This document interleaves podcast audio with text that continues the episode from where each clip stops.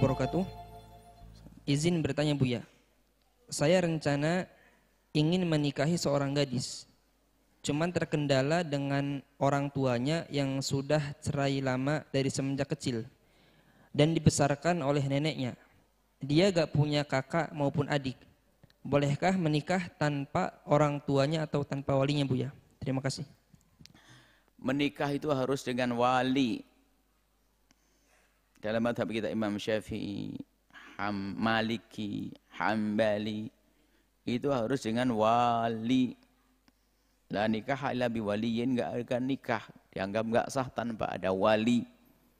Bapaknya hilang, bapak calon istriku hilang.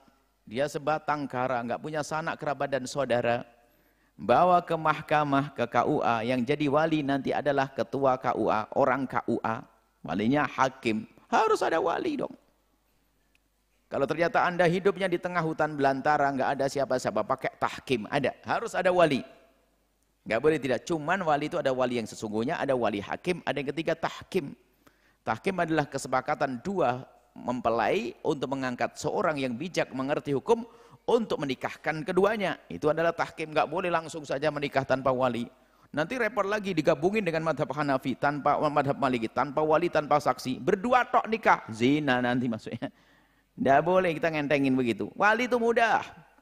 Kalau bapaknya jauh bisa saja kok nanti ber mewakilkan. Wakil ke mudah dalam bab taukil bisa saja baik pun biar biarpun ada khilaf dalam hal ini bisa saja orangnya adalah wah, orangnya ada di mana di Afrika sana bapaknya. Ya sudah wakilkan selesai.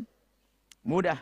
Kalau memang tidak ada, karena asalkan walinya lebih dari dua marhalah, 82 kilo, bisa saja langsung hakim yang berperan sebagai wali. Misalnya bapaknya ada di Surabaya, pengen nikahnya di Cirebon, maka bisa langsung hakim.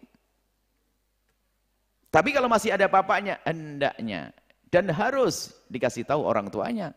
Jangan menikah begitu saja. Jadi kalau masalah menghalalkan pernikahan itu mudah aturan fikihnya.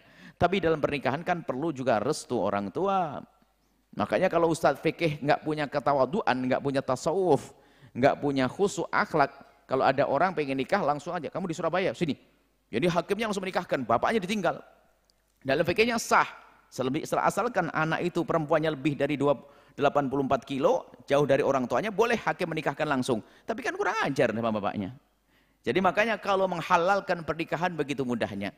Tapi kan nikah bukan urusan halal-halal saja. Tapi ada keberkahan di dalamnya. Ridho orang tua di dalamnya. Ridho guru di dalamnya. Keindahan antara keluarga dengan keluarga di dalamnya.